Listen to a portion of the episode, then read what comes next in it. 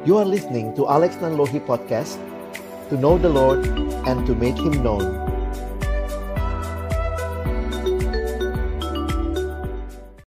Mari tunduk kepala kita berdoa Sungguh termulialah Engkau ya Allah pemilik seluruh kehidupan kami. Kalau hari ini kami datang memuji memuliakan namamu, ini semua adalah cinta kasih dan anugerahmu bagi kami. Tuhan siapakah kami ini ya Tuhan sehingga kami layak memuji-muji namamu. Hanya karena engkau yang menyelamatkan kami. Engkau yang memanggil kami kami boleh menyampaikan pujian hormat kami. Malam hari ini kami akan membuka firman-Mu ya Tuhan. Karena kami percaya kebangunan rohani yang sejati terjadi ketika setiap kami berjumpa dengan Tuhan di dalam firman-Mu.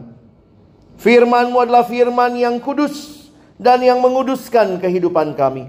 Firman-Mu firman yang hidup dan yang menghidupkan kerohanian kami. Firman-Mu firman yang tidak berubah tapi firman yang kami percaya sanggup mengubah kehidupan kami. Biarlah itu yang menjadi bagian dari setiap kami yang datang menikmati pesta rohani di tempat ini. Bersabdalah ya Tuhan, kami umatmu sedia mendengarnya. Dalam satu nama yang kudus, nama yang berkuasa, nama Tuhan kami Yesus Kristus. Kami menyerahkan pemberitaan firman. Amin. Silakan duduk.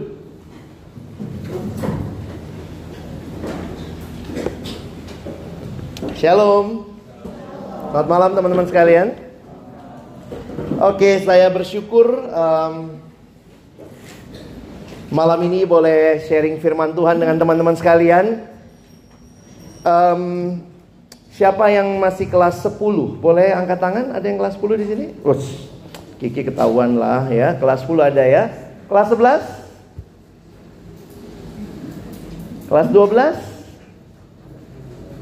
Kelas 13 Mahasiswa baru Ada adik-adik Pelayan siswa oke okay.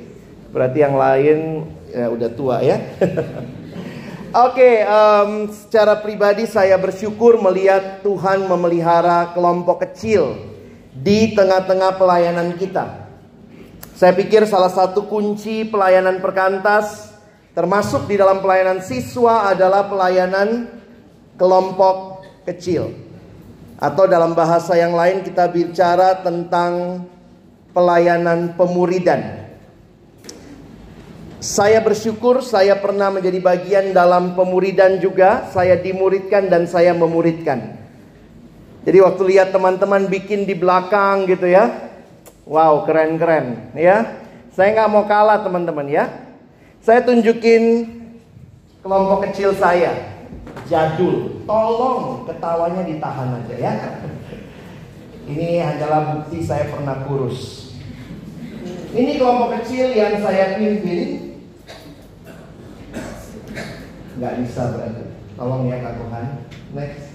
Ini kelompok kecil SMA 1 Depok 2002. saya yang mana? Kalian bisa tebak lah ya. yang kanan ya. Ini gaul pada zamannya ya di pagar SMA 1 Depok itu. Uh, saya bersyukur memimpin mereka. Saya agak bingung menaruh nama kelompok kecil kami. Kalian pakai nama-nama ya. Karena mereka membuat kelompok kecil namanya C6 plus A. Mereka cool katanya berenam, saya plus A. Alex jadi nggak terlalu cool gitu ya. Waduh, ya. Tuhan mungkin kursornya jangan di situ, makanya nggak bisa. Mungkin kursornya balikin ke ini kalian. Tetap nggak bisa. Next.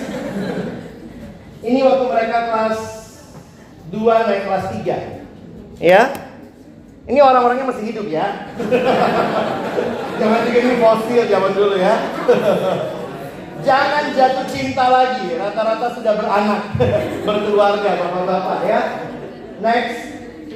Ini kami ikut camp pengutusan siswa. Sama-sama satu kelompok kami lengkap ikut camp pengutusan siswa tahun 2003. Saya megang mereka dari kelas 2 SMA. Tapi terjadi perubahan ya waktu kuliah kami masih kumpul, masih beberapa kali kelompok kecil. Next, nah ini lihat perubahan zaman kuliah ya. Perubahan berat badan. Dan saya bersyukur setelah sekarang 2019 ya, 2002 2019 berapa tahun tuh? 17 ya. Kami masih kumpul sebulan sekali. Bentuknya apa? Udah susah memang bentuknya. Kami membuatnya menjadi arisan. Itu salah satu kesempatan kumpul tiap minggu.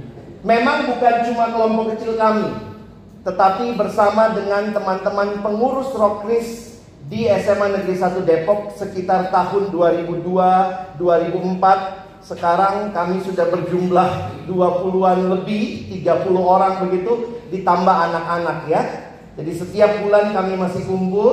Next ini Natal kami terakhir. Udah beranak cucu gitu ya. Belum cucu ya.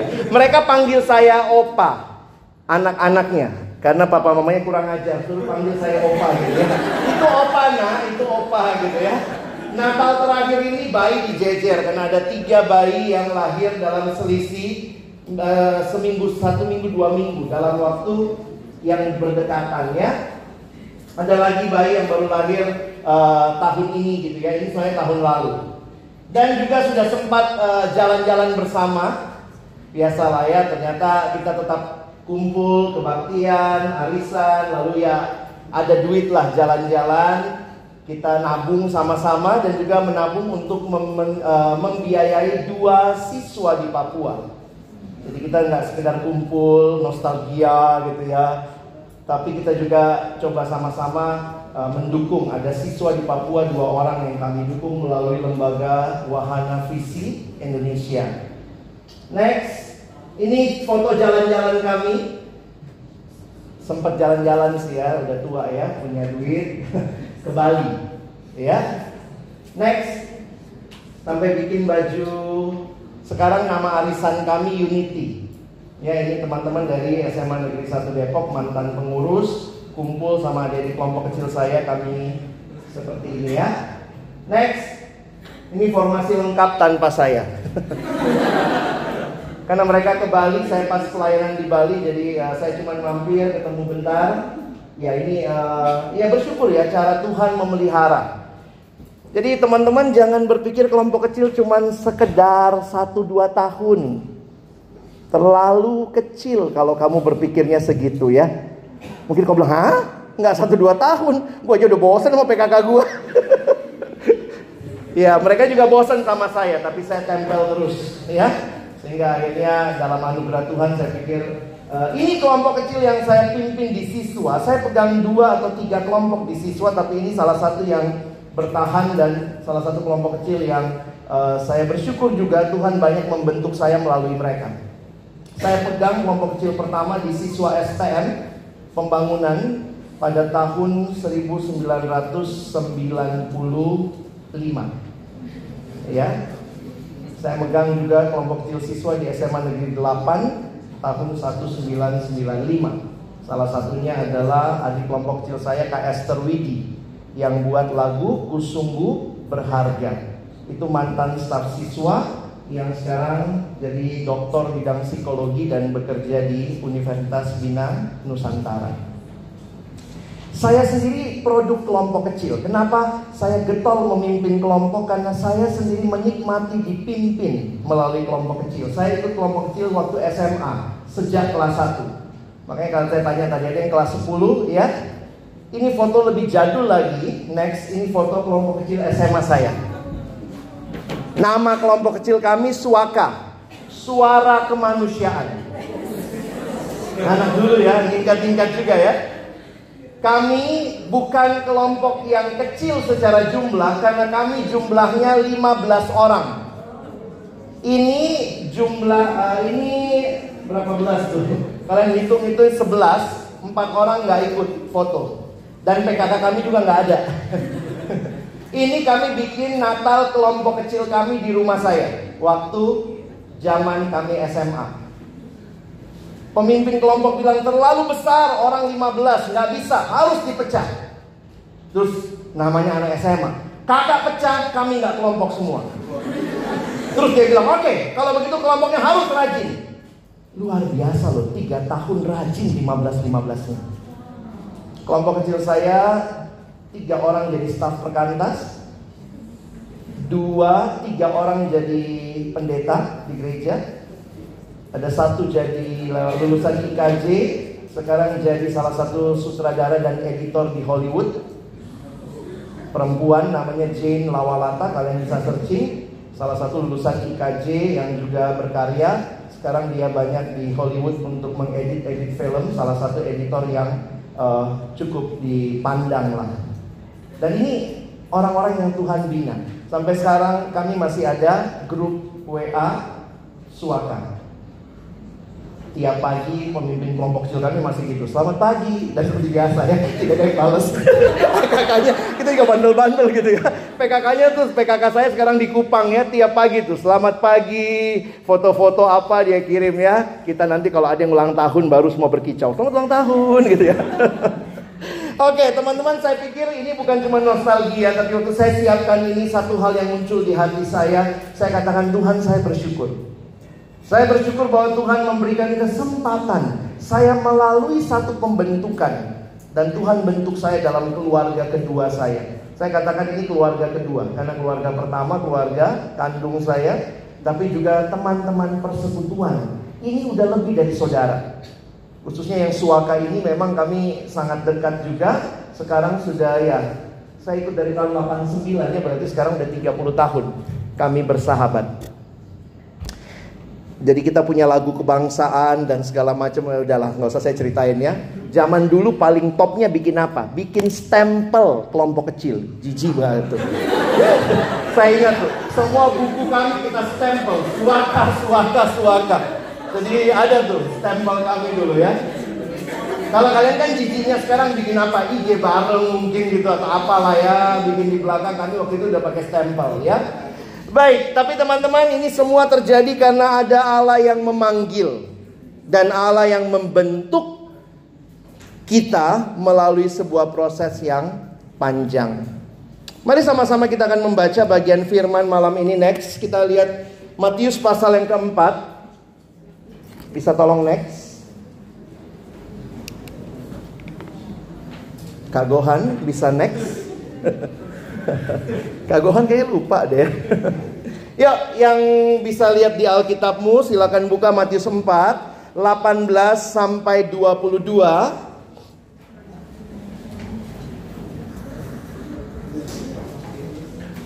Mari kita baca bergantian. Yang matanya masih bagus mau lihat di depan juga ada slide-nya ya. Next, Kagohan. Baik, saya baca 18, kalian baca 19, kita bergantian sampai 22. Dan ketika Yesus sedang berjalan menyusur danau Galilea, ia melihat dua orang bersaudara yaitu Simon yang disebut Petrus dan Andreas saudaranya. Mereka sedang menebarkan jala di danau sebab mereka penjala ikan. Yesus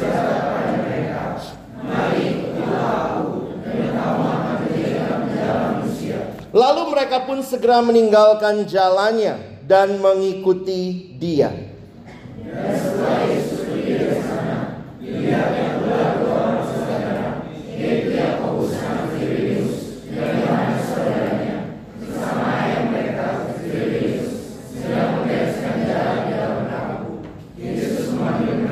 Dan mereka segera meninggalkan perahu serta ayahnya, lalu mengikuti dia.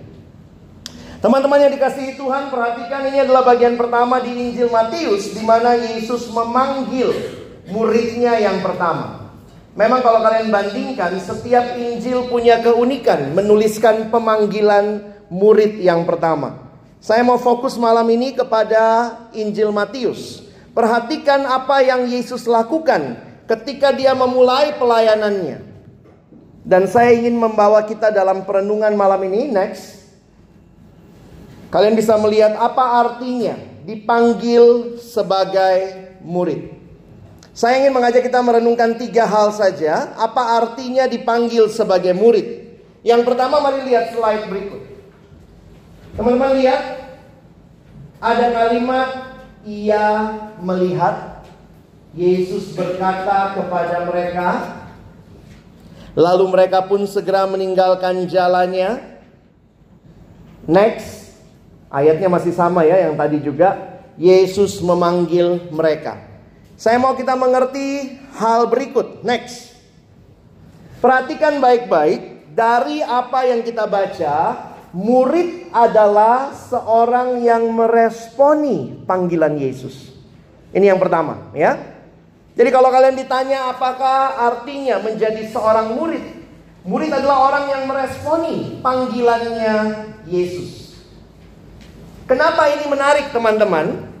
Kenapa tadi kalian lihat Bang Alex tuliskan ia memanggil ia melihat karena pada waktu itu kebiasaannya. Nah, ini dalam penyelidikan sejarah, pada waktu itu biasanya rabi-rabi Yahudi itu didatangi oleh murid. Itu kebiasaan pada masa itu. Jadi rabi Yahudi datang murid-murid yang mau berguru kepada mereka. Seperti orang daftar sekolah. Kalau sekolahmu bagus, misalnya orang tuh datang mau daftar di situ. Tapi lihat, Yesus memberikan pola yang berbeda. Yesus yang justru memilih murid. Ini sedikit berbeda dengan kebiasaan umum pada waktu itu. Jadi kalau kalian perhatikan, Yesus bukanlah membuka pendaftaran. Ayo, siapa yang mau daftar? Ada lagi, ada lagi. Tapi justru dia yang memilih, memanggil murid. Kenapa ini jadi penting dalam kehidupan kita? Karena saya rasa teman-teman kita perlu mengingat juga bahwa yang namanya kelompok kecil, pemuridan, mungkin kamu pikir, oh karena saya daftar, kakak itu waktu itu nanya mau ikut kelompok kecil nggak? Saya dulu kan ada yang nanya, anaknya tuh kritis banget, kakak apa itu kelompok kecil? Dia nanya ini itu, ah, saya bingung. Apa itu kelompok kecil? Saya langsung jawab. Kelompok kecil adalah kelompok yang tidak terlalu besar. Tapi waktu saya renungkan bagian ini, iya ya, kelompok kecil itu diinisiasi bukan semata-mata oleh keinginan kita ikut, tetapi sebenarnya Tuhan yang memanggil, memilih setiap kita. Sadari itu. Ketika saya melihat perjalanan bersama adik-adik kelompok kecil saya sampai hari ini, walaupun kami tidak ketemu rutin bahas bahan, tapi kita ketemu biasanya dalam uh, arisan. Sebelumnya ada kebaktian, kita doa sama-sama, nyanyi sama-sama. Saya melihat iya ya, ini orang-orang yang Tuhan bawa, Tuhan panggil, Tuhan pilih. Dan ini bukan sekadar kelompok yang bertahan 17 tahun karena keinginan kami semata-mata. Mari sadari betul, syukuri kehadiran kelompok kecilmu. Saya sewaktu merenungkan begitu ya, berarti cintanya Tuhan sama Alex. Tuhan titip sama PKK saya. Ya, ini kalau dipikir-pikir gitu ya. Kan Tuhan cinta sama kamu nih. Tuhan titip cintanya ke PK kamu yang belajar mencintai kamu. Dan jangan lupa, kamu ada karena ada PK kamu. PK kamu ada karena ada PKK-nya. Yang Tuhan titip lagi cintanya sama PKK-nya. Sudah pernah ketemu opung KTD-mu, opung kelompokmu? Ini kakak kelompok kecilnya kakak kelompok kecil saya. Saya waktu lihat ya, karena kan kami juga beberapa kali ketemu dengan siapa yang memuridkan pemimpin saya. Saya cuma mikir gini, Tuhan terima kasih. Itu hanya membuktikan kepada saya yang paling cinta sama saya adalah Tuhan sendiri. Sehingga Tuhan bangkitkan pemimpin KTB saya. Pemimpin kelompok kecil saya. Dan Tuhan bangkitkan pemimpin KTB, pemimpin kelompok kecil, pemimpin kelompok kecil saya. Dia bangkit lagi, ya, terus kalian cari gitu ya. Nah itu yang biasanya kita sebut dengan pohon kelompok kecil. Kita bikin pohonnya. Nanti ketemu. Kemarin waktu saya ke Bali, mereka juga ada retret kelompok kecil. Apa yang mereka lakukan? Foto sama siapa opungnya. Ini ah, kau dari mana kau asal? Cari tahu.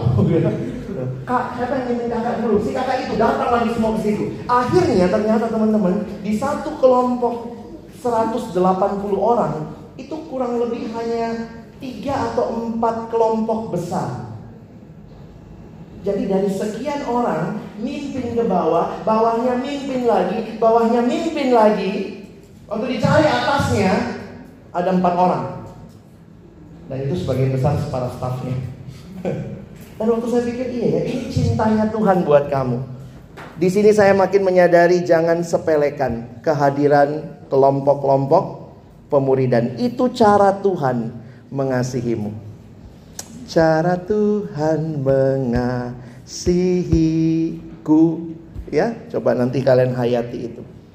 Ini yang pertama. Sehingga kalau kalian perhatikan, next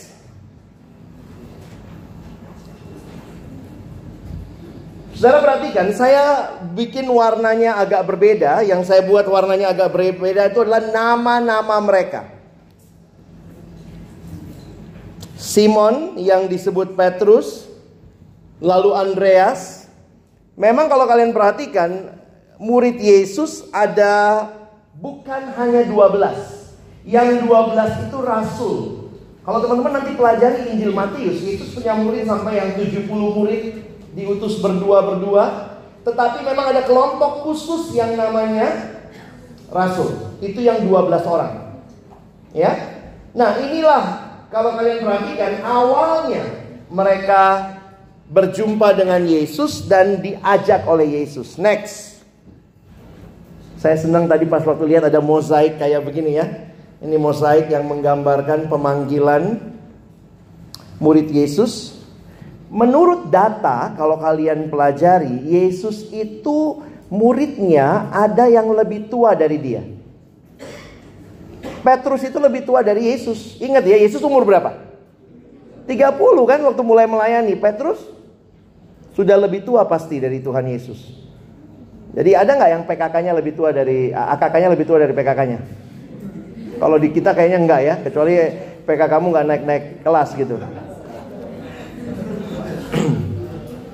AKK-nya tua banget atau AKK-nya nggak naik kelas kan gitu ya. Oke, okay, next lihat lagi. Jadi ternyata kita tahu Petrus saudaranya Andreas, Yakobus saudaranya Yohanes, ya. Makanya masih ingat mereka berdua tuh yang pakai uh, Tuhan kami mau duduk di satu di kiri, satu di kanan. Pakai mamanya lagi. Mamanya datang, Tuhan anakku satu di kiri, satu di kanan dong. Untuk nggak kita mampu ya. Minta mampu bahaya juga. Teman-teman, waktu saya memperhatikan hal ini saya jadi ingat ayat berikut. Next. Kita baca sama-sama kalau kelihatan ya. Yohanes 15 ayat 16. Yuk, satu dua iya. Bukan kamu yang memilih aku,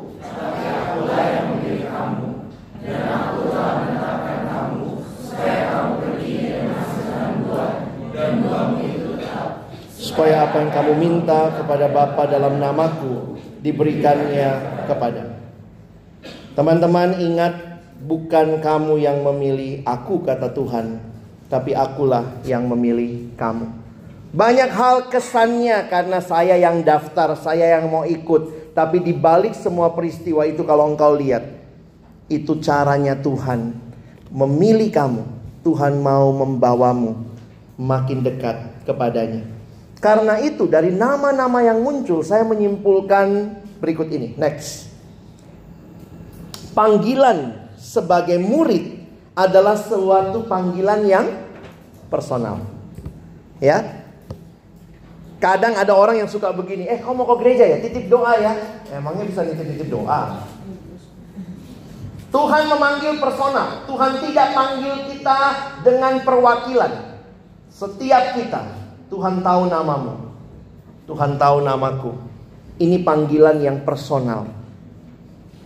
Sadari betul, engkau dan saya kita miliknya Tuhan. Dan ini menjadi kekuatan kita dalam pergumulan kehidupan. Saya makin menyadari tentang Allah yang memiliki hidup. Beberapa hari ini saya lagi merenungkan memang ya hidup itu yang punya Allah bukan kita. Allah yang punya hidupku karena dia ciptakan saya, maka berarti Allah juga yang bertanggung jawab. Di dalamnya engkau dan saya melakukan bagianmu, tapi sadari betul dia panggil kita, dia akan topang kita, dia akan cukupkan apa yang kita butuhkan. Perhatian Tuhan itu personal. Kalau datang retret begini saya nggak kenal kamu satu persatu. Kadang-kadang, ih ini pernah lihat mukanya. Ih ini mukanya kayaknya pasaran. Pernah ketemu berapa tahun lalu. Oh masih sama orangnya. Saya hanya kenal beberapa orang. Tapi Tuhan perhatikan engkau dan saya one by one. Ini yang pertama. Sadari betul bahwa murid adalah seorang yang meresponi panggilan Yesus. Karena itu saya simpulkan Panggilan sebagai murid adalah sebuah panggilan yang personal. Responi secara personal. Jangan bilang bapakku pendeta ya sudah saya diwakili bapakku. Mamaku pelatih kor di gereja diwakili mamaku. Lama-lama kerohanianmu jadi kerohanian sistem DPR, perwakilan. Gak bisa. Saat teduh tidak pernah diwakilkan orang tuamu. Personal. Itu membuat kita sadar kita butuh relasi yang personal. Next. Sekarang kita masuk yang kedua. Perhatikan yang saya warnai merah. Apa kalimatnya? Mari ikutlah aku dan kamu akan kujadikan penjala manusia. Next. Follow me and I will make you fishers of men. Saya mau mengajak kita merenungkan poin kedua ini. Next. Perhatikan baik-baik. Murid adalah seorang yang dipanggil membangun kerajaan Allah. Pertama tadi kita dipanggil oleh Tuhan sendiri. Jadi murid orang yang meresponi panggilannya. Tapi lihat, ada tugas yang Tuhan berikan. Mari ikutlah aku, kamu akan kujadikan penjala manusia. Apakah kalimat itu menunjukkan bahwa kau harus jadi PKK lagi? Kadang orang mikir gitu ya, ih serem amat, baru juga dipimpin. Tapi Yesus tuh dari awal ngasih tahu ya, Yesus bukannya bohong-bohongin. Ayo ikut, ngapain? Ada permen loh. Eh nanti kalau kelompok kecil, eh kalau ikut nanti ulang tahun dikasih hadiah loh. Yesus tidak menjanjikan seperti itu. Tapi lihat pola pelayanan panggilan Yesus. Dia panggil mereka untuk sebuah tujuan yang jelas. Kalau saya bilang sama kamu, dek, yuk ikut saya. Kamu nanyanya apa? Mau ke mau ke mana bang? Waktu Yesus memanggil murid-muridnya, mari ikutlah aku. Dia kasih tujuannya. Saya harap kamu jelas dengan PK kamu. Kalau kelompok-kelompok kecil nggak punya tujuan, apa ini? Kami cuma kelompok kecil bang, ya kecil-kecil aja. KTB kelompok tertawa bersama. KTB kelompok tanpa bahan. Kami KTB kelompok tanpa besar. Apa yang jadi tujuan? Yesus kasih visi. Ikut aku. Aku akan jadikan kamu penjala manusia. Harusnya ini jadi kerinduan setiap PKK buat AKK-nya dan setiap AKK buat dirinya sendiri. Memang bentuknya macam-macam. Bisa jadi PKK lagi. Tapi tidak selamanya jadi PKK lagi. Mungkin bentuk-bentuk yang lain saya juga melihat ada cara Tuhan memakai orang di berbagai situasi dengan panggilan. Makanya saya cuma saya coba rangkumkan seorang murid adalah seorang yang dipanggil membangun kerajaan Allah. Nah, perhatikan sebentar dua ayat berikut. Next. Mari lihat Matius pasal 3 ayat 2. Kita coba, abang coba elaborasi ayat ini sebentar supaya kalian bisa memahami. Matius pasal yang ketiga, ayatnya yang kedua.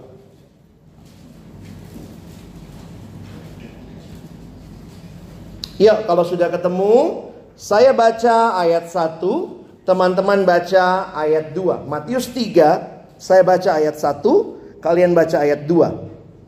Pada waktu itu tampillah Yohanes Pembaptis di padang gurun Yudea dan memberitakan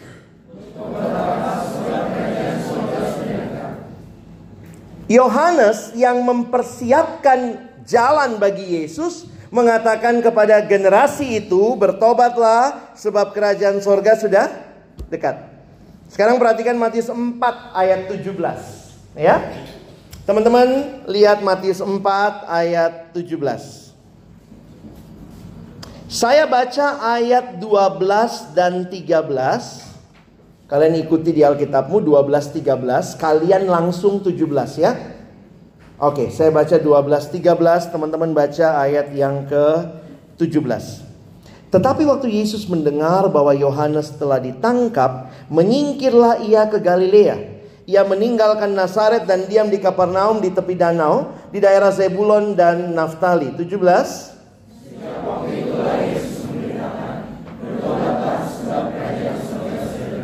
Perhatikan hal ini baik-baik. Abang khusus ambil Injil Matius karena kalian perhatikan di dalam Injil Matius ini salah satu Injil yang dikatakan adalah Injil kerajaan. Perhatikan apa visinya Yohanes Pembaptis. Bertobatlah, kerajaan sorga sudah dekat. Yesus tidak bawa misi yang baru. Persis sama misinya dengan Yohanes Pembaptis. Bertobatlah, sebab kerajaan sorga sudah dekat.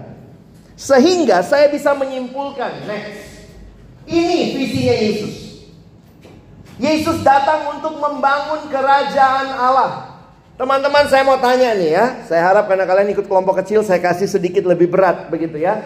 Kira-kira waktu Yesus bicara atau Yohanes Pembaptis bilang, bayangkan ya kamu orang zaman itu terus Yohanes datang, bertobatlah. Kerajaan sorga sudah dekat. Apakah orang-orang zaman itu ngerti soal kerajaan sorga? Kerajaan sorga sama dengan kerajaan Allah ya. Coba next dulu Kak Gohan. Kerajaan surga sama dengan kerajaan Allah. Injil Matius ditulis untuk orang Yahudi. Orang Yahudi itu kudus banget ngomong Allah. Makanya mereka mengganti jadi kerajaan surga. Makanya kalian akan menemukan 33 kali istilah yang muncul adalah kerajaan surga. Nah balik lagi nih. Waktu Yohanes Pembaptis datang, bertobatlah, kerajaan surga sudah dekat. Kira-kira orang zaman itu ngerti nggak? Kalau kamu bilang dia tidak ngerti, apa dong tujuan pesan itu? Pasti mereka ngerti. Karena kalau misalnya saya datang ya, saya datang sama kalian ya, lalu saya bilang nih, teman-teman, ya? Ada bener Ngerti nggak? Enggak. Coba bayangkan waktu Yohanes Pembaptis datang, apakah Yohanes ngomong begitu ke generasi itu? Ah, nah, Orang mana? Berarti kita bisa simpulkan, pasti orang zaman itu ngerti istilah kerajaan surga. Dari mana mereka ngertinya? Ini sudah ada sejak perjanjian lama. Jadi kalau kalian perhatikan Yesus tidak bawa misi yang totally new. Yesus bawa misi yang sudah berurat akar sejak perjanjian lama. Kalau kalian perhatikan, dari awal Allah menciptakan dunia ini, Allah sedang membangun kerajaannya. Makanya kalau kalian perhatikan, kata pemahaman tentang kerajaan Allah bahkan dimulai. Kalau saya tariknya dari sejak penciptaan. Contoh, kalau abang ciptakan benda ini, ini namanya pointer ya, yang lagi nggak jalan ya. Ini namanya pointer. Kalau saya cipta benda ini, maka benda ini pertama kali dicipta punyanya siapa? Yang mencipta. Kalau begitu siapa rajanya benda ini? Oh, penciptanya. Siapa yang harus dilayani oleh benda ini? Penciptanya. Ketika Allah menciptakan seluruh dunia ini, maka begitu Allah mencipta dunia ini, punya siapa? Punya Allah. Siapa rajanya? Allah. Itulah kita melihat Allah menciptakan manusia. Mereka harus taat kepada Allah. Lalu kemudian di dalam perjanjian lama, kalian bisa melihat konsep kerajaan Allah. Makanya, waktu Israel minta raja, masih ingat waktu Israel minta raja? Kasih kami raja seperti bangsa lain. Mereka mintanya sama Samuel. Lalu Samuel datang sama Tuhan. Lalu kalimatnya Tuhan menarik tuh. Tuhan kira-kira ngomong begini. Samuel, please nggak usah baper. Kenapa? Tuhan bilang begini. Bukan kau Samuel yang mereka tolak, tapi aku. Waktu Israel minta raja, Samuel datang, Tuhan bangsa ini minta raja, gimana sih bangsa ini? Tuhan bilang, please Samuel, jangan baper, bukan kau yang ditolak. Sebenarnya akulah yang mereka tolak. Allah sebagai raja itu konsep dari perjanjian lama. Umat Allah minta raja, mereka bilang kami minta raja yang bisa kami lihat seperti yang dimiliki bangsa lain. Tuhan mana nggak kelihatan. Sejak itulah teokrasi berubah menjadi monarki. Kalian bisa lihat ini ya? Teokrasi, kita raja-raja berubah jadi monarki. Di masa monarki itu, kalau kalian lihat ya, pernah satu dulu dari raja-raja nggak? Itu bosannya luar biasa ya. Raja ini makin jahat, makin jahat, makin jahat. Raja ini makin jahat, makin jahat, makin jahat. Anaknya tambah jahat, tambah jahat, tambah jahat.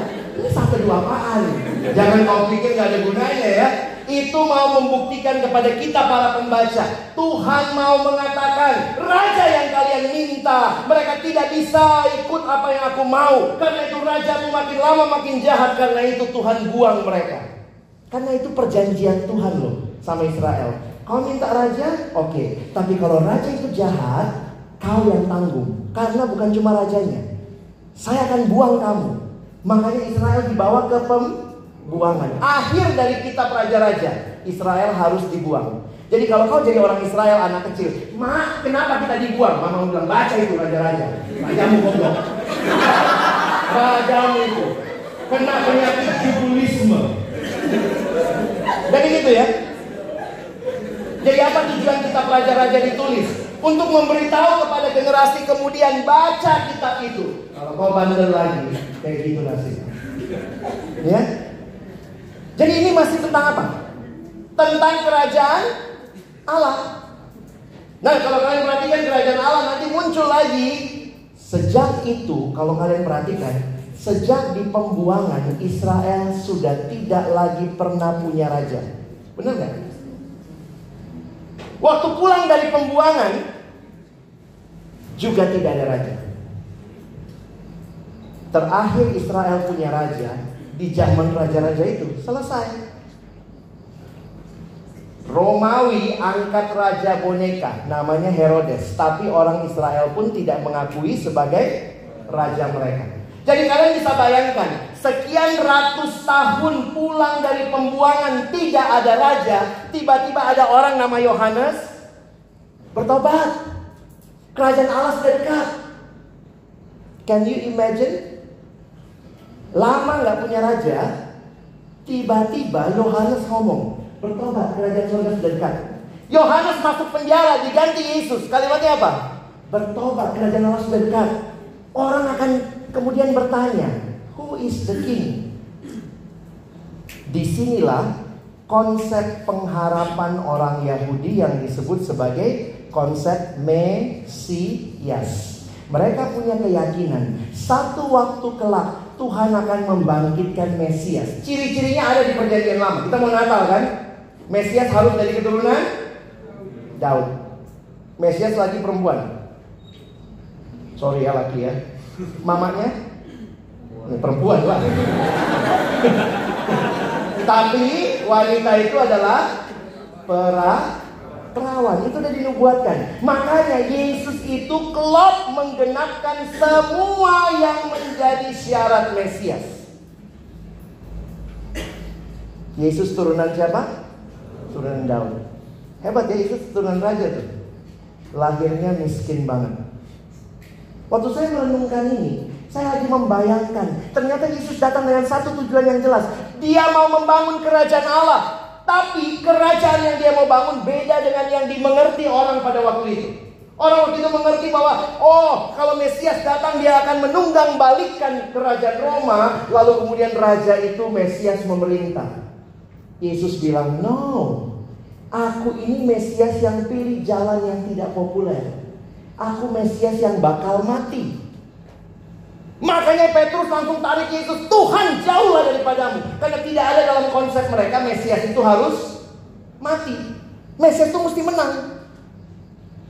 Yesus ditarik sama Petrus tuh. Kalau kalian baca itu ya, Yesus ditarik sama Petrus lalu kemudian Petrus bilang begini, jauhlah hal itu daripadamu. Lalu Yesus ngomong sama Petrus, enyahlah kau iblis. Pernah nggak PK kamu bilang gitu ke kau? Iblis kau. Saya pikir ini, ini kalimat paling serem yang diucapkan seorang PKK ke AKK-nya ya.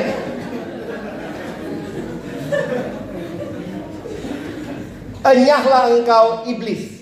Engkau bukan memikirkan yang dipikirkan Allah. Kau memikirkan apa yang dipikirkan manusia. Jadi saya kasih kalian sense-nya ya supaya kalian ngerti nih. Jangan sampai kita jadi orang yang tidak ngerti apa itu kerajaan Allah. Karena Yesus lagi mau membangun kerajaan Allah. Apa sih artinya? Next. Sederhananya sini. Allah adalah satu-satunya raja yang berkuasa penuh dan memerintah atas seluruh ciptaannya. Di perjanjian lama Allah raja? Yes. Perjanjian baru Allah raja? Yes. Itu yang Yesus lagi mau bangun supaya seluruh dunia merajakan Allah. Dan untuk itu apa yang Yesus lakukan? Dia mati. Kenapa? Di Alkitab ada dua konsep besar. Saya harap kalian pahami sebentar ya. Please bear with me. Pertama, konsep penciptaan. Tadi abang kasih contoh ya. Kalau saya cipta benda ini, begitu dicipta ini punya siapa? Penciptanya. Berarti dalam konsep penciptaan ada konsep kepemilikan. Kata kedua di Alkitab yang besar adalah penebusan. Apa artinya tebus? Kalau ada sebuah benda terjual, tergadai, apa artinya ditebus? Dibeli lagi kan?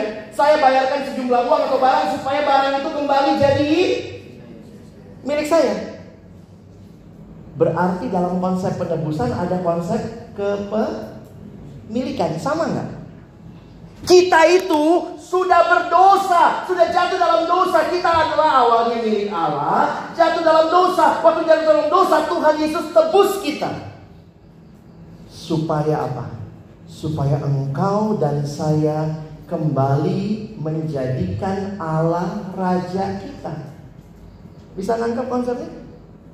Saya dicipta milik Allah. Tapi saya yang dicipta milik Allah berontak sama Allah. Waktu saya berontak sama Allah, eh Allah baik banget selamatkan saya. Dia tebus saya dengan cara dia mati di kayu salib. Dia gantikan saya supaya saya kembali merajakan dia. Karena itu saya melihat begini. Bagaimana Yesus membangun kerajaan Allah? Dia membangun kerajaan Allah dengan menggantikan saudara dan saya dengan karya keselamatan dia tebus kita. Itu caranya Yesus membangun kerajaan Allah. Ini bukan kerajaan teritorial.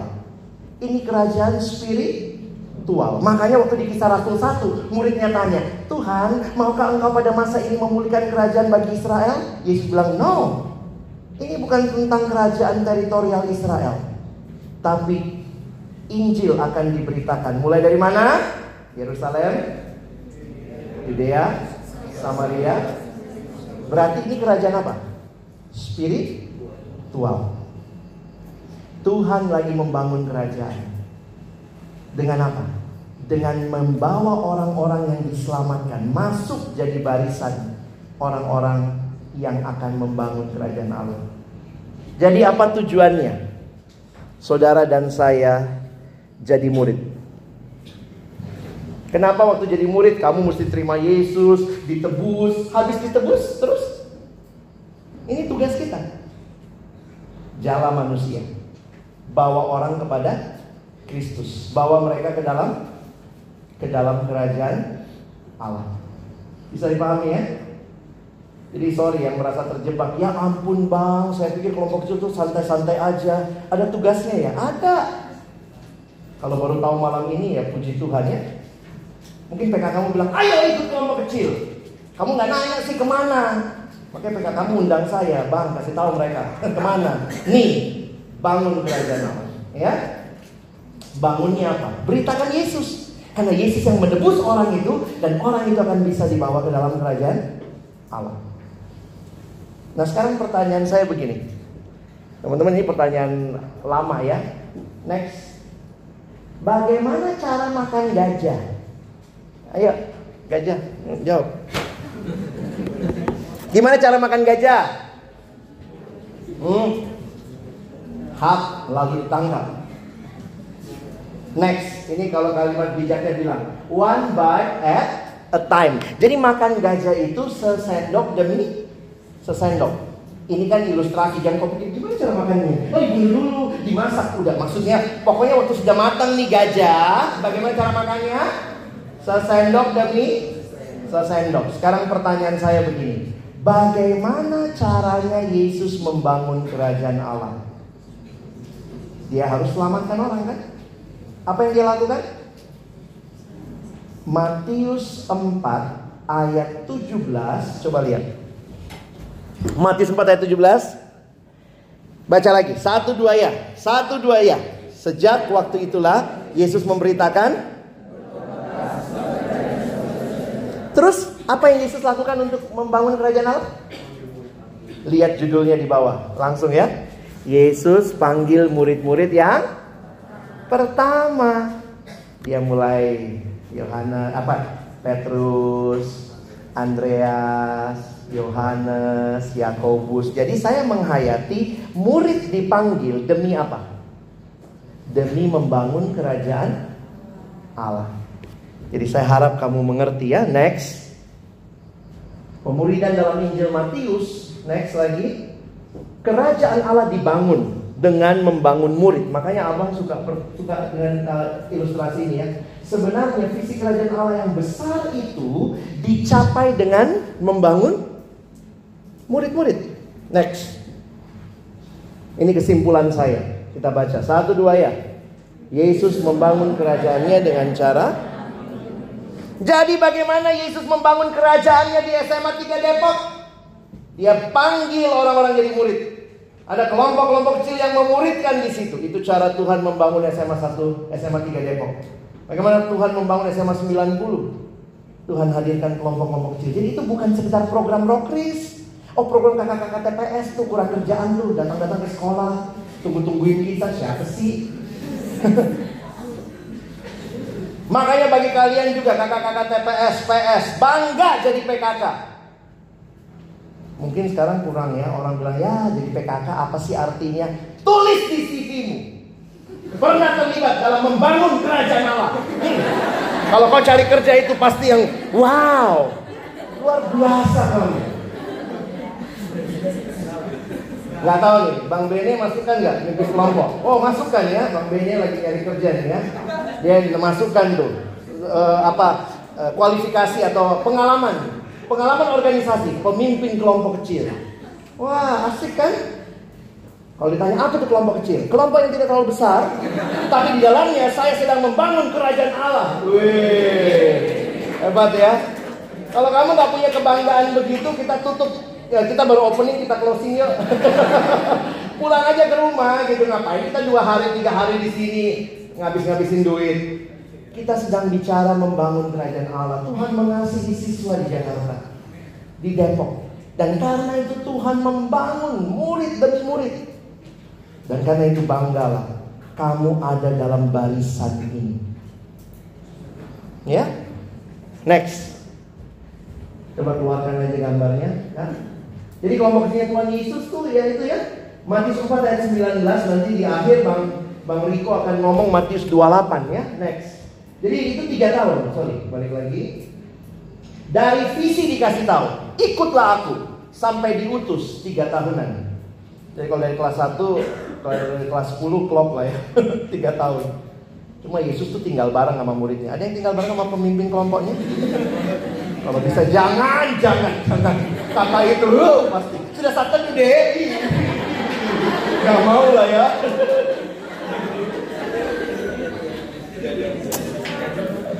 Oke. Okay. Next. Jadi saya melihat begini. Bagaimana caranya? Bagi saya Yesus punya visi menjangkau dunia. Next. Saya nggak ketemu foto Yesus ya, maaf. Jadi ini foto Tuhan Yesus.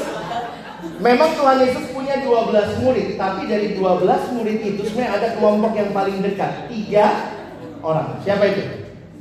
Petrus, Yakobus, Yohanes. Ini kelompok kecil inti. Eh, ya yang lain penggembira enggak tetap loh kan kalau kalian lihat dari 3 12 70 hidup menjangkau dunia. Makanya kalau saya pikir-pikir ya, Tuhan Yesus itu tiga tahun pelayanan sukses nggak menurutmu? Coba.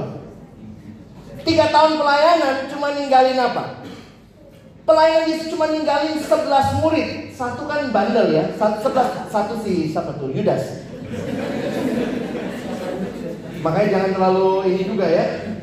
Kadang-kadang saya mikir, Tuhan Yesus waktu balik ke surga kira-kira malaikat nyambut gimana bos sudah kelar gitu ya itu ada percakapan fiktif loh yang dibikin oleh seorang penulis buku buku pemuri dan seni yang hilang Leroy kasih percakapan fiktif waktu Yesus sudah balik ke surga terus malaikat nyambut bos pulang kan malaikat gimana gimana bos udah selesai misinya terus Yesus bilang iya udah terus malaikat iseng ah Udah, berarti seluruh dunia udah kenal Injil dong. Belum. Loh, kamu percayakan sama siapa Tuhan? Terus Yesus ngomong, saya percayakan kepada sebelas orang. Lalu kemudian malaikat iseng lagi nanya, bagaimana kalau mereka gagal? Terus Yesus bilang, maaf, saya nggak punya cara lain. Waktu saya baca buku itu ya, buku itu cuma mau mengatakan apa? Caranya Yesus bangun dunia, kerajaannya dengan pemulihan. Waktu Yesus balik ke surga, lucu ya, Yesus tuh gak ninggalin sekretariat. Ini sekret. Kapan-kapan baliklah ke sekret. Yesus tidak tinggalin deposito. Ini deposito, pakailah, pergi ke seluruh dunia. Makanya itu mission impossible waktu Yesus ngomong pergi, jadikan semua bangsa muridku. Mungkin Petrus juga waktu itu terima. Hah? Petrus itu, Petrus punya paspor nggak? Disuruh ke seluruh dunia, padahal Petrus mungkin ya daerah pelayanannya Galilea DSK dan sekitarnya. Yesus bilang pergi. Kan kalau mau disuruh pergi kan bagusnya gitu. Ini sekretariat, pergilah. Kapan-kapan balik sini. Ini duit, pergilah. Balik lagi. Yesus tidak tinggalkan apa-apa. Yang Yesus tinggalkan adalah sebelas orang yang hidupnya diubahkan. Itu sanggup mengubah dunia. Ada cara lain? Yesus bilang, oh maaf, nggak ada cara lain. Yesus pulang waktu misi belum sampai ke ujung bumi. Tapi misi itu masih belum selesai, karena itu ada engkau dan saya. Nggak mungkin kan Petrus abad pertama bangun SMA 3 Depok kejauhan. Petrus udah mati sekarang. Siapa yang bangun SMA SMA-mu? Kamu dan saya yang dipanggil dalam generasi ini. Ya, Next, karena itu saya simpulkan begini ya. Pemuridan itu adalah sebuah panggilan yang global. Bersyukur ya.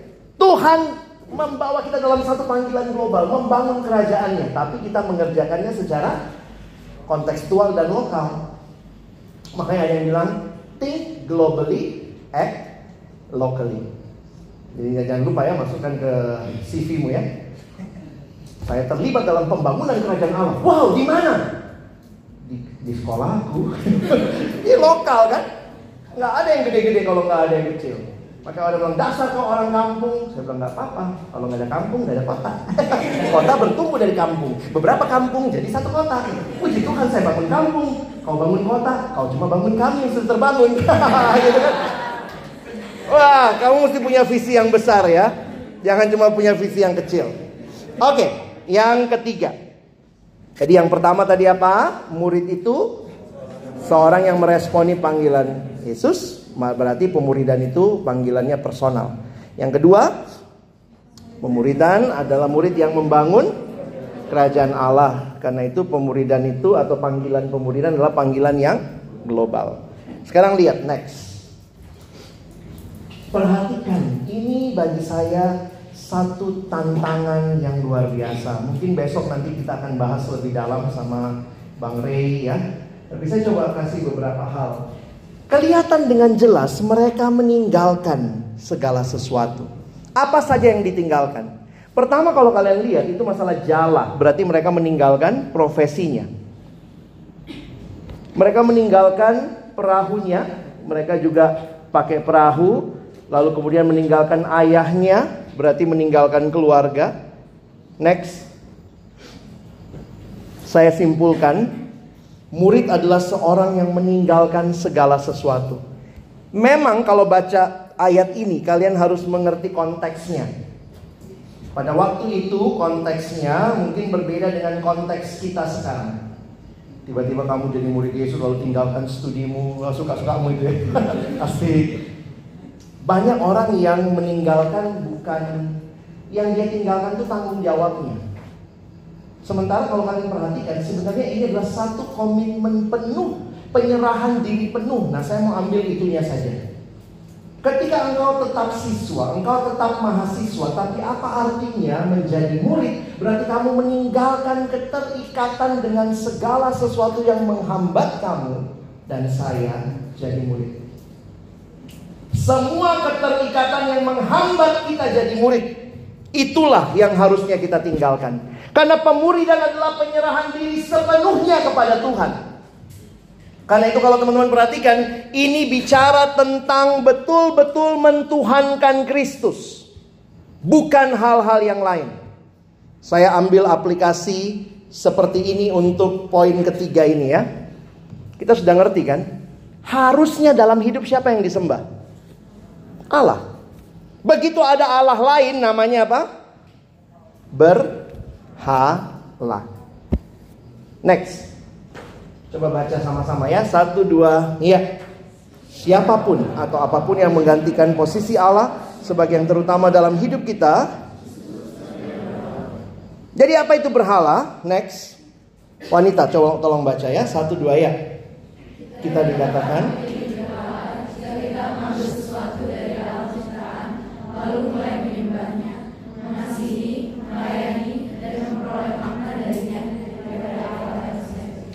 Jadi berhala ini kita ambil, kita rasa nanti harga diri kita, tujuan hidup kita dari berhala itu. Ketika orang berkata saya mau ikut Yesus, harusnya dia tinggalkan berhala. Next, pria tolong baca ya. Satu, dua, iya. Berhala berarti mengubah sesuatu yang baik. Apa yang baik dalam hidup? Banyak ya. Keluarga baik, Orang tua baik ya? Bisa jadi berhala? Bisa. Ketika orang tua yang baik kau jadikan utama, itu jadi berhala. Biarlah orang tua tetap pada posisi yang baik. Kalau sudah pacaran, pacar bisa jadi berhala? Bisa. Uang baik ya? Ya baik dong. Ada anak remaja datang sama saya, ya Kak Alex ya bener ya, kata firman Tuhan ya. Akar segala kejahatan adalah uang. Saya bilang makanya kalau baca Alkitab baik-baik. Apakah akar segala kejahatan adalah uang? Bukan. Akar segala kejahatan adalah cinta uang. Bukan uangnya, tapi cintanya kepada uang. Nah itu yang kalau kita perhatikan hal-hal yang baik bisa jadi berhala dalam hidup kita. Nah next. Coba kita baca sebentar ya. Next Kak Kohan. Oke. Okay.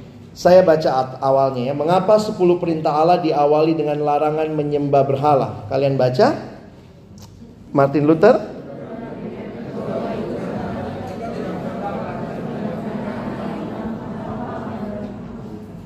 Saya coba jelaskan sedikit tentang berhala ini. Konsep ini dari mana? Salah satu yang menggali konsep ini dengan dalam adalah opung kita Martin Luther. Kamu yang gereja Lutheran ya, harus kenal ini ajarannya opung yang dari apa? HKDP nah itu. Ya? Ini opung nih jadi Martin Luther bilang begini kalau Allah ciptakan manusia maka manusia dicipta oleh Allah manusia diciptakan oleh Allah untuk siapa? Coba ingat pertama kali Allah cipta manusia Allah cipta manusia untuk siapa? Untuk Allah kan? Untuk diri Allah. Jadi sebenarnya manusia adalah makhluk yang akan selalu menyembah. Itu being kita. Manusia itu dalam hidup akan selalu menyembah. Jadi lihat, bukannya pilihannya bukan begini, menyembah atau tidak menyembah. Bukan itu pilihannya. Pilihan kita adalah sedang menyembah Allah yang benar atau sedang menyembah yang bukan Allah.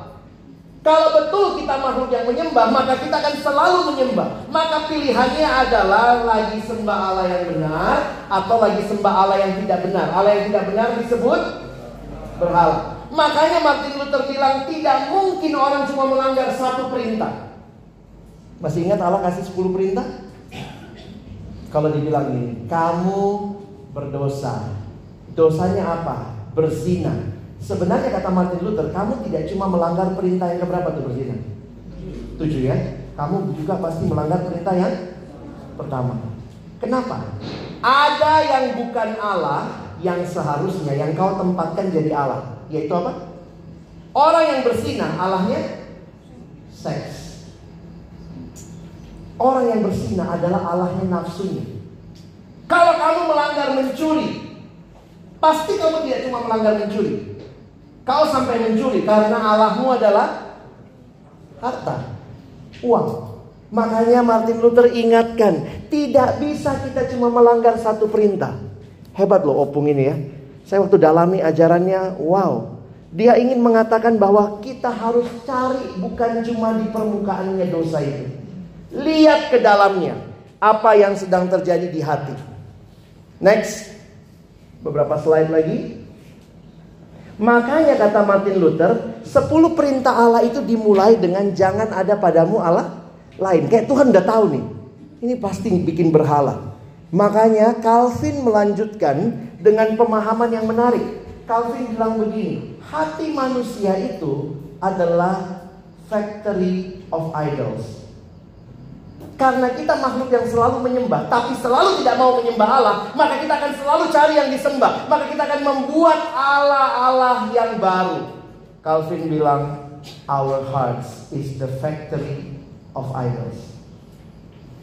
Jadi ini yang terjadi. Next, kita baca ya satu dua ya. Penyembahan berhala ada di mana-mana dan memiliki kuasa dan tindakan-tindakan kita karena memiliki kuasa atas hati kita. Ada satu kesimpulan menarik yang saya harap kita bisa pahami tentang meninggalkan segala sesuatu ya. Next. Yuk kita baca. Satu, dua, ya hal-hal yang menghalangi saya untuk mengikut Yesus dengan sepenuh hati menunjukkan bahwa mungkin hal-hal tersebut harusnya waktu saya sudah ikut kelompok kecil Yesus adalah Tuhanku adalah rajaku maka harusnya tidak ada raja yang lain. Tapi jangan-jangan rajamu masih nafsumu. Itu yang kau sembah. Pornografi jalan terus, kelompok kecil terus, pornografi terus, nggak apa-apa bang berdua bersama-sama, beriringan, bergandeng tangan. Ikut kelompok kecil, katanya mentuhankan Kristus pada saat yang sama masih main-main dengan berhala-berhala yang lain. Hati-hati, itu mungkin masih jadi tuanmu. Next, ini Timothy Keller bilang gini ya, An idol is anything that you turn to say and say save me. Jadi orang cari-cari berhala tuh ya. Berhala menawarkan kepuasan, menawarkan segala hal dan itu sangat mengerikan. Kagohan kita langsung masuk ke bagian terakhir sebelum kesimpulan. Satu slide sebelum kesimpulan.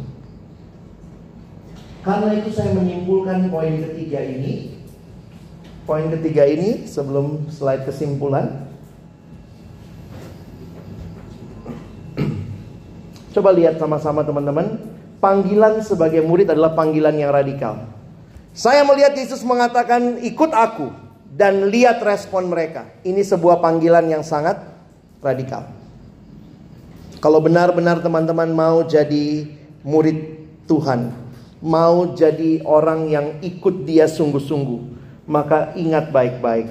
Pertanyaan malam ini, apa yang harus engkau tinggalkan? Mungkinkah hal-hal yang selama ini masih kau sukai, tapi itu bukan yang Tuhan mau? Mari katakan Tuhan, saya mau tinggalkan. Saya simpulkan, next. Kita lihat lagi slide-slide tadi ya. Next. Apa arti dipanggil sebagai murid? Yang pertama, murid adalah seorang yang meresponi panggilan Yesus. Karena itu, next, panggilan itu personal. Kedua, murid adalah seorang yang dipanggil membangun kerajaan Allah. Ingat, bagianmu dan bagianku, beritakan firman, bawa siswa, jangkau siswa, benih kemuliaan Allah. Next, Panggilan Allah adalah panggilan yang global.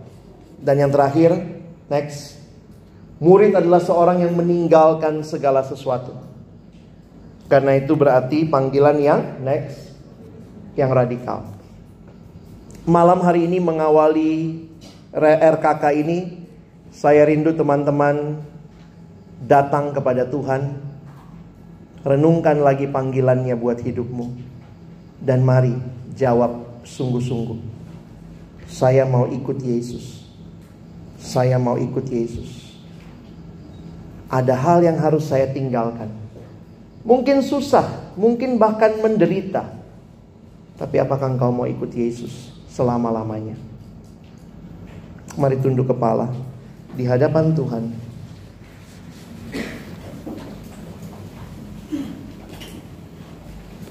Dengan lembut biar musik mengalun saya mau ikut Yesus.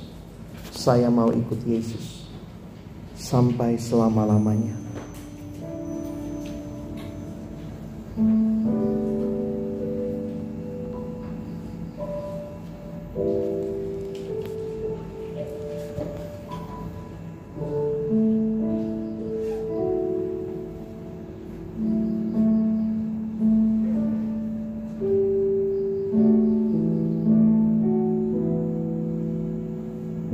Tidak tahu sudah berapa lama engkau berkelompok kecil, sudah berapa lama engkau terlibat dalam pemuridan. Tapi ingatlah, syukuri anugerah Tuhan ini. Tuhan yang panggil, Tuhan yang pilih, ini panggilan yang personal. Mari bersyukur kepada Tuhan. Mungkin teman-teman adalah pemimpin kelompok kecil, kalian TPS, PS, alumni, atau bagi adik-adik yang dipimpin dalam kelompok kecil, mari bersyukur. Ini bukan kebetulan, ini bukan cuma sebuah kegiatan, tapi benar-benar ada kasih Allah yang mau saudara dan saya kenal Dia lebih lagi, bertumbuh di dalam Dia. Mari bersyukur, katakan terima kasih Tuhan. Kau memanggilku, kau mengasihiku.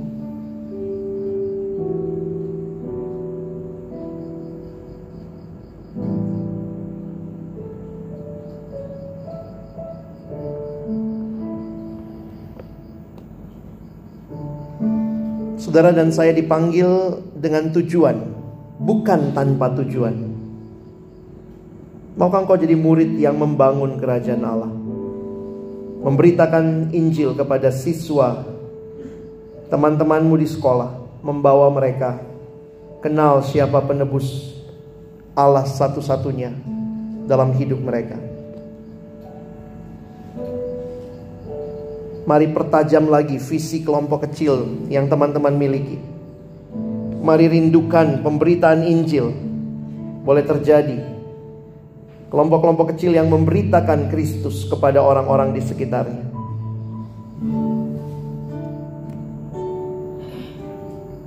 Banggalah. Tuhan melibatkan saudara membangun kerajaannya. Jangan pikir ini kelompok yang kecil, hanya segelintir orang. Tapi itu juga cara Tuhan membangun dunia ini. Rindukan di sekolah tempat kamu belajar.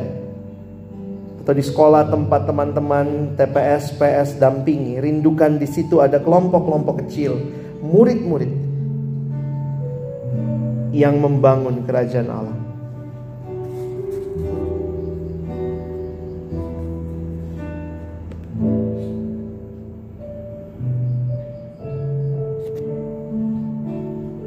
Yang terakhir malam hari ini. Adakah di antara kita yang masih begitu terikat dengan hidup yang lama?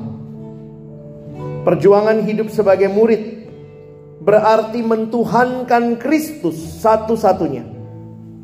Yang juga berarti melepaskan hal-hal yang mengikat engkau. Malam ini kalau Tuhan hadir di sini dan menantang engkau, ikut aku. Apa yang harus saudara dan saya tinggalkan?